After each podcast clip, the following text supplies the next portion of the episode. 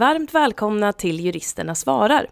Det här är det 37 avsnittet av Företagarnas podcast där ni som lyssnar ska få tips, svar och råd som hjälper er i er företagarvardag. Har en anställd rätt att vara ledig från jobbet för att plugga, för att testa på att starta eget företag, för politiska uppdrag och för militärtjänstgöring? Det ska vi prata om i dagens avsnitt. Jag heter Oksana Jakimenko. Och jag heter Hampus Löfstedt. Och vi arbetar på Företagarnas juridiska rådgivning. Välkomna till podden! Idag Hampus så ska ju vi prata om ledighet, men inte då semesterledighet eller föräldraledighet, utan om fyra andra ledighetsformer. Och jag tror faktiskt inte, om jag inte missminner mig, att vi har nämnt någon av de här ledighetsformerna i tidigare poddavsnitt, så, så det är ju på tiden tänker jag. Ja, nej men precis så. Jag tror inte att vi har nämnt dem. Det är ju faktiskt inte bara för semester och föräldraledighet som man kan vara ledig, utan det finns en hel del speciallagstiftning som reglerar andra typer av ledigheter. Så i dagens avsnitt kommer ett litet, ska vi säga ett axplock? Ja, men precis mm. så. Eh, och jag tänker att man som arbetsgivare kanske inte får frågan om eh, ja, ledighet för politiskt uppdrag eller för militärtjänstgöring lika ofta som man får eh, om exempelvis föräldraledighet. Så att det är ju lätt hänt att man glömmer bort vad som gäller för just de typerna av ledigheterna. Ja, så det kan man helt enkelt när man får frågan eh, titta upp det då. Nej men skämt åsido, alltså, i och med att det finns ganska många olika typer av ledigheter så kan det ju vara så att man kanske en gång i sin arbetsgivarkarriär eh, behöver titta upp där. Ja men precis. Mm. När vi ändå är igång så tänker jag att vi ska nämna lite förutsättningar eh, och då säger vi som så att de fyra frågorna som vi idag läser upp tänker vi oss istället ett scenario där arbetsgivaren inte är bunden av kollektivavtal. Mm. Så, så om ens bolag är bundet av kollektivavtal så är det viktigt att ta med sig att det kan finnas andra regler i kollektivavtalet som gäller för just er eh, än det som vi pratar om idag. Precis så. Hej podden! I höstas anställde jag en kille som receptionist. Nu vill han börja plugga och har ansökt om att få vara studieledig i tre år. Jag har ingen annan i företaget som kan sitta i receptionen och jag kan inte heller vara utan receptionist i tre år. Vilka rättigheter och skyldigheter har jag som arbetsgivare i det här läget? Ja, jag tänker om vi börjar med eh, arbetsgivarens skyldigheter i sådana här fall så är det ju så att en arbetstagare som vill studera har rätt till ledighet i den omfattning som han eller hon behöver. Och det här anges då i lagen om arbetstagares rätt till ledighet för utbildning, eller studieledighetslagen då, eh, som är lite enklare att säga, så vi kör på det. Mm. Eh, så att arbetsgivaren kan alltså inte neka studieledighet. Men den här rätten till studieledighet, den förutsätter att arbetstagaren har varit anställd hos arbetsgivaren under de senaste sex månaderna innan ansökan, eller sammanlagt minst 12 månader under de senaste två åren. Och här skriver ju lyssnaren att receptionisten började i höstas.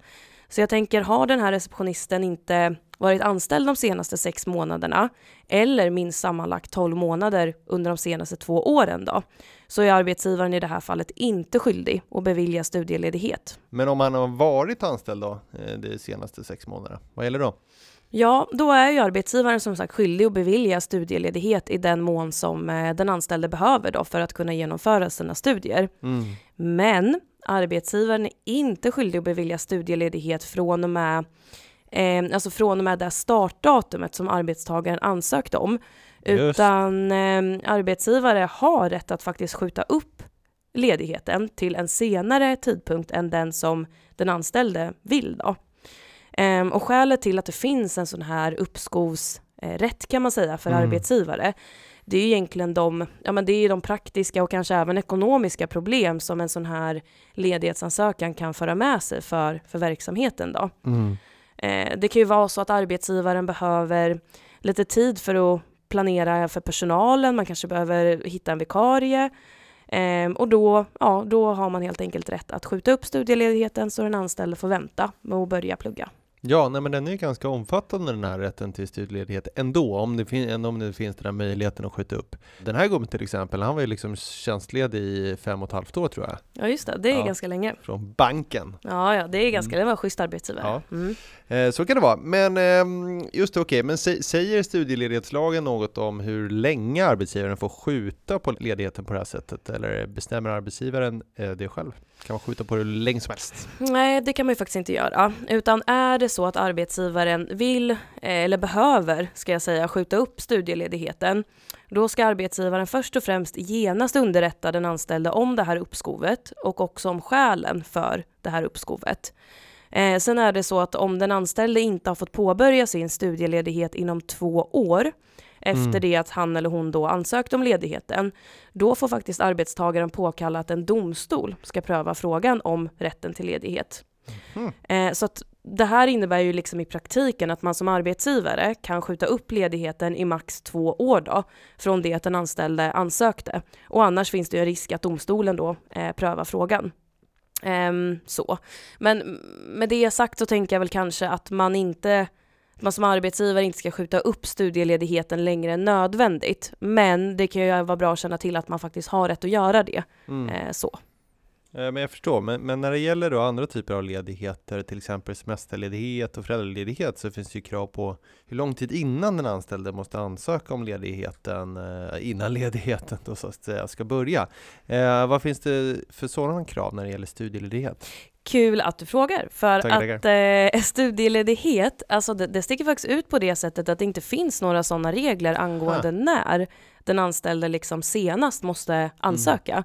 Eh, och det finns inte heller några regler kring eh, att arbetsgivaren och arbetstagaren liksom ska samråda gällande studieledighetens förläggning. Eh, som det då gör till exempel när man ska lägga ut semester. Just det. Men eh, jag tänker liksom att som anställd så kan det vara bra att ansöka så, så tidigt som möjligt så att ens arbetsgivare då ges gott om tid att planera för verksamheten och då kanske även risken för att arbetsgivaren skjuter upp ja, ledigheten mm. minskar. Mm. Eh, så att vara ute i god tid är väl det man kan skicka med, men mm. något absolut lagkrav finns det inte alltså för när Nej. ansökan ska eh, skickas in.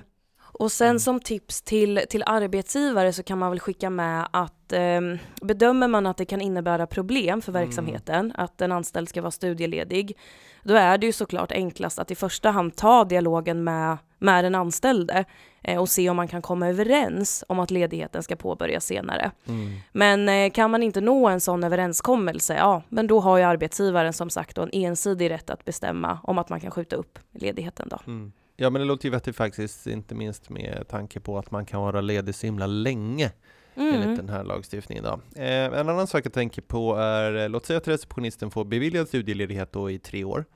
Eh, kan han avbryta ledigheten tidigare eller är det tre år som gäller? Ja, han får avbryta sin studieledighet i förtid. Eh, och då har ju han rätt att återgå till sin tjänst, precis så som den såg ut innan. Mm. men, och då är det så att om den anställda har varit studieledig längre än ett år, då måste han underrätta arbetsgivaren om att man vill avbryta sin studieledighet senast en månad innan återgången. Och om man som anställd har varit studieledig kortare tid än ett år, då måste man underrätta om återgång i tjänst senast två veckor innan. Aha. Så så är det. Ja men så, så är det. Nej men då känns det ju nästan som att uh, vi kan det här med studieledighet. Mm, det tycker jag. Ja. Ska vi köra på fråga två? Då gör vi så. Hej podden! Det brukar vad jag förstår framförallt vara företagare som skriver in till er och ställer frågor. Men då jag kanske är blivande företagare så hittade jag er podd och skickade in en fråga. Jag är idag anställd som säljare på ett företag som säljer IT-system, men jag har länge på hobbynivå hjälpt vänner och bekanta att beskära träd. Jag är nämligen utbildad arborist. Har jag rätt till att vara tjänstledig för att pröva på att professionellt jobba som arborist? Jag har blivit erbjuden en anställning på ett trädgårdsföretag, men jag har också funderat på om jag ska starta eget. Hade det spelat någon roll om jag till exempel var utbränd från mitt jobb som säljare?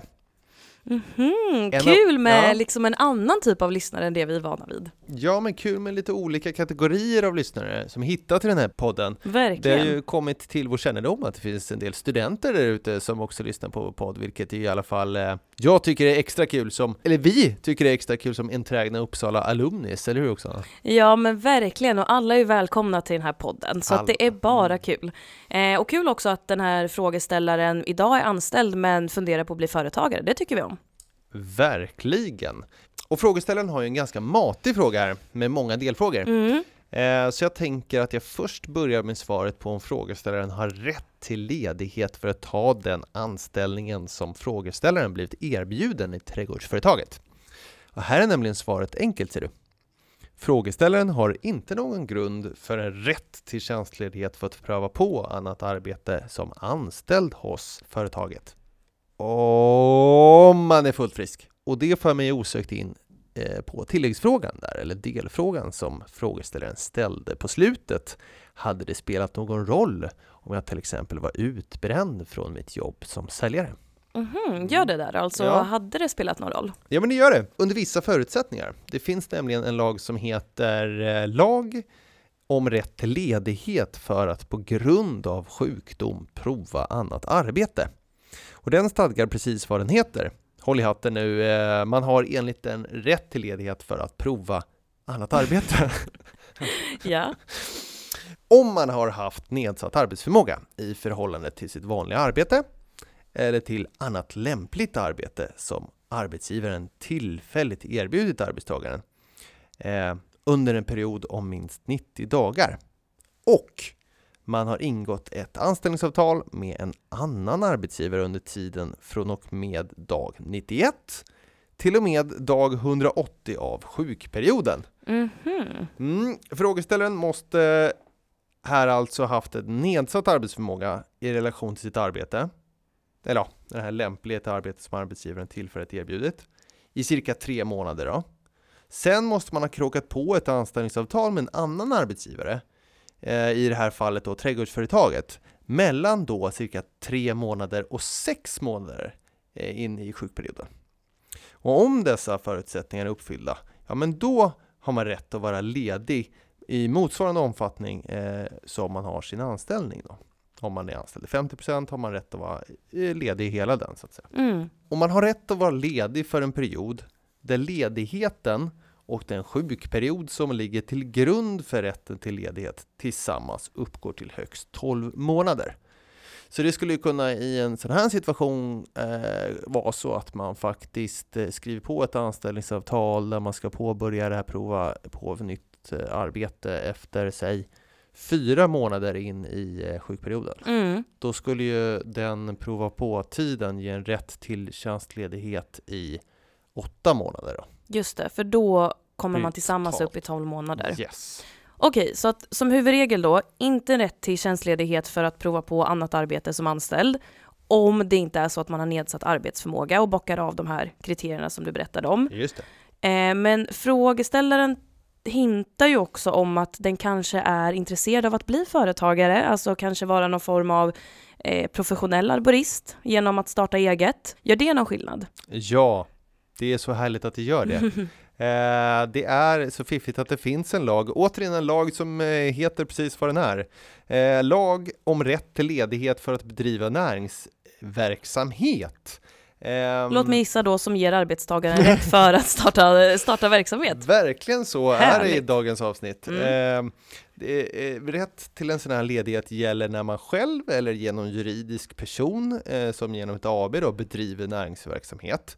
Eh, och det här tycker vi är kul naturligtvis som jobbar på en, en företagarorganisation. Mm. Att den här eh, eh, rätten finns lagstadgad. Mm. Men det ska dock understrykas att man inte har rätt till ledighet om ens egna verksamhet konkurrerar med arbetsgivarens. Eh, frågeställaren hade alltså inte haft rätt till ledighet för att själva starta ett aktiebolag och sälja liknande IT-system. Då. Men eh, trädbeskäring konkurrerar ju knappast med försäljning av IT-system. Så om frågeställaren startar en egen verksamhet eh, för det så har den rätt till ledighet. Då har den anställda rätt att vara ledig i sex månader som max. Då. Underbart att höra. Verkligen. Men du, eh, du sa att det får inte vara konkurrerande verksamhet, Mm. det är ett krav. Finns det några andra liksom, förutsättningar eller krav som måste vara uppfyllda för att man ska ha rätt till sån här sex månaders ledighet för att få starta egen verksamhet? Ja, men det finns det. Eh, det finns nämligen en kvalifikationstid som innebär att eh, för att ha rätt till sån här ledighet så ska arbetstagaren vid ledighetens början varit anställd hos arbetsgivaren antingen de senaste sex månaderna eller sammanlagt minst 12 månader de senaste två åren. Här kan det nämnas att anställningstiden ska beräknas på samma sätt som i, i tredje paragrafen, första stycket i LAS, då, eller lagen om anställningsskydd. Mm, bra. Eh, så då tror jag att jag har svarat på frågeställarens fråga. Eh, sen kan ju nämnas att det finns vissa praktiska formregler man kan slå en blick på i nämnda lagar då, beträffande ja, hur anmälan och beslut ska ske och, återgång i arbete och så vidare. Eh, det är båda, båda ganska korta och pedagogiska, så undrar man något kring det kan man ju slå en blick där. Och har man fler frågor, vet du vad man kan höra av sig till då? Nej, vart då? Nej, då kan man alltså som medlem höra av sig till oss på Företagarnas juridiska rådgivning, eller hur? Jajamän! Hej juristerna svarar. Jag driver ett litet bolag med fem anställda. I förra veckan berättade två av mina anställda att de kommer behöva vara lediga från jobbet på grund av att de har fått politiska uppdrag. Måste de säga upp sig från mitt företag då, eller hur hanterar vi detta? Och jag skulle vilja säga nja. Nej. Eh, nej. Ja, alltså det beror lite på här vad frågeställaren eller vad de anställda menar med politiska uppdrag. Mm. För det är ju som så att om det politiska uppdraget innebär att man ska vara riksdagsledamot, kommunfullmäktige, sitta i kommunstyrelse eller i en kommunal nämnd eller styrelse, eller då vara ersättare för någon av de här positionerna, då har man som anställd rätt att vara ledig från sitt ordinarie mm. arbete i, i den mån som krävs då för att kunna fullgöra det här eh, politiska uppdraget. Mm. Eh, det ska också sägas att man har rätt att vara ledig från sin anställning om man ska sitta som nämndeman i domstol. Just det. Mm. Men däremot om det här politiska uppdraget avser något slags, eh, jag vet inte, möte i en partigrupp till exempel, mm. eh, då finns det ingen rätt för en anställd att vara ledig från sitt ordinarie arbete för det här mötet. Mm. Om det inte är så att det här mötet liksom är en del av det politiska uppdraget som den anställde har rätt att vara mm. ledig för kan man säga. Eh, och här är det ju den anställde då som måste visa vad uppdraget avser och att man därmed har rätt till ledighet om man har ett politiskt uppdrag inom eh, en kommun på ett mm. eller annat sätt, då regleras det i kommunallagen. Mm. Men är det så att man ska vara riksdagsledamot eller då ersättare för en riksdagsledamot, då har man faktiskt grundlagsskydd för sin rätt till ledighet enligt regeringsformen. Det hatar man inte. Det hatar man verkligen Nej. inte. Eh, Okej, okay, men finns det i, den här, i de här fallen några formregler för när den anställde måste ansöka om ledighet eller om den anställde kan avbryta sin ledighet i förtid? Mm, nej, det gör det faktiskt inte. Inget av det. Så att eh, här får arbetsgivaren ja, eh, laga efter läge helt enkelt. Okej, okay. och är ledighet för politiskt uppdrag betalt eller obetald tjänstledighet? Mm, det är som regel obetald tjänstledighet eh, och med det menar jag alltså att det finns inget lagkrav på att arbetsgivaren ska betala lön eller någon annan slags ersättning till mm. den anställde eh, under den tiden som hen utför sitt politiska uppdrag. Ja, och då kan jag lägga till att det är li precis likadant för den här rätten att vara ledig för att prova på annat arbete på grund av sjukdom och eh, beträffande då att eh, rätten vara ledig för att bedriva egen verksamhet. Mm, och även studieledighet är ju obetald tjänstledighet. Hej juristerna svarar! Min anställda har fått ett erbjudande att få tidvis tjänstgöring inom amfibiekåren. Har arbetstagaren rätt till ledighet för detta? Tack för frågan. Då är det så att det finns en lag om vissa försvarsmaktsanställningar som reglerar det här. Och den ger rätt till ledighet från en civil anställning då, om man fått eh, erbjudande om en sån här tidvis, som i den här situationen, eller en kontinuerlig tjänstgöring vid Försvarsmakten. Inom Försvarsmakten, vad, vad ingår i, i det? Jo, det är då, om jag eh, inte missminner mig då, här, att det är armén, det är då flygvapnet, det är amfibiekåren och det är hemvärnet.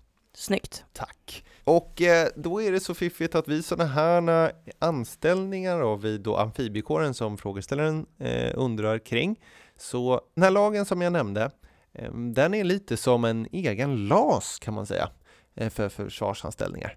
Eh, det står till och med i den att liksom anställningar ska inte grundas på någon annan lagstiftning än just den. Så det är liksom en speciallagstiftning av speciallagstiftning. Mm -hmm. Och i då den här, ska vi kalla det för försvarslas? Försvar... försvarslas. Jätte... Vi kallar det för försvarslas. ja, ja. Ja, men det gör vi. Eh, så, så finns det då i 29 och 30 paragrafen, ja 31 paragrafen också, regler kring hur man har rätt till ledighet då från sin civila anställning. Ja, och då är det så att i, i den här... Eh, Försvarslas? ja, och i försvarslas eh, 28 till 31 paragraf så regleras då den här rätten till ledighet. Eh, och av 28 paragrafen så framgår att, att en arbetstagare har rätt till hel ledighet från sin civila anställning under då högst sex månader för att pröva en anställning som kontinuerligt eller tidvis eh, tjänstgörande i Försvarsmakten. Eh, så man kan väl säga där att, så här, att motsvarande provanställning i, i en sån här försvarsmaktsanställning eh, mm. har man rätt till ledighet för, hel ledighet.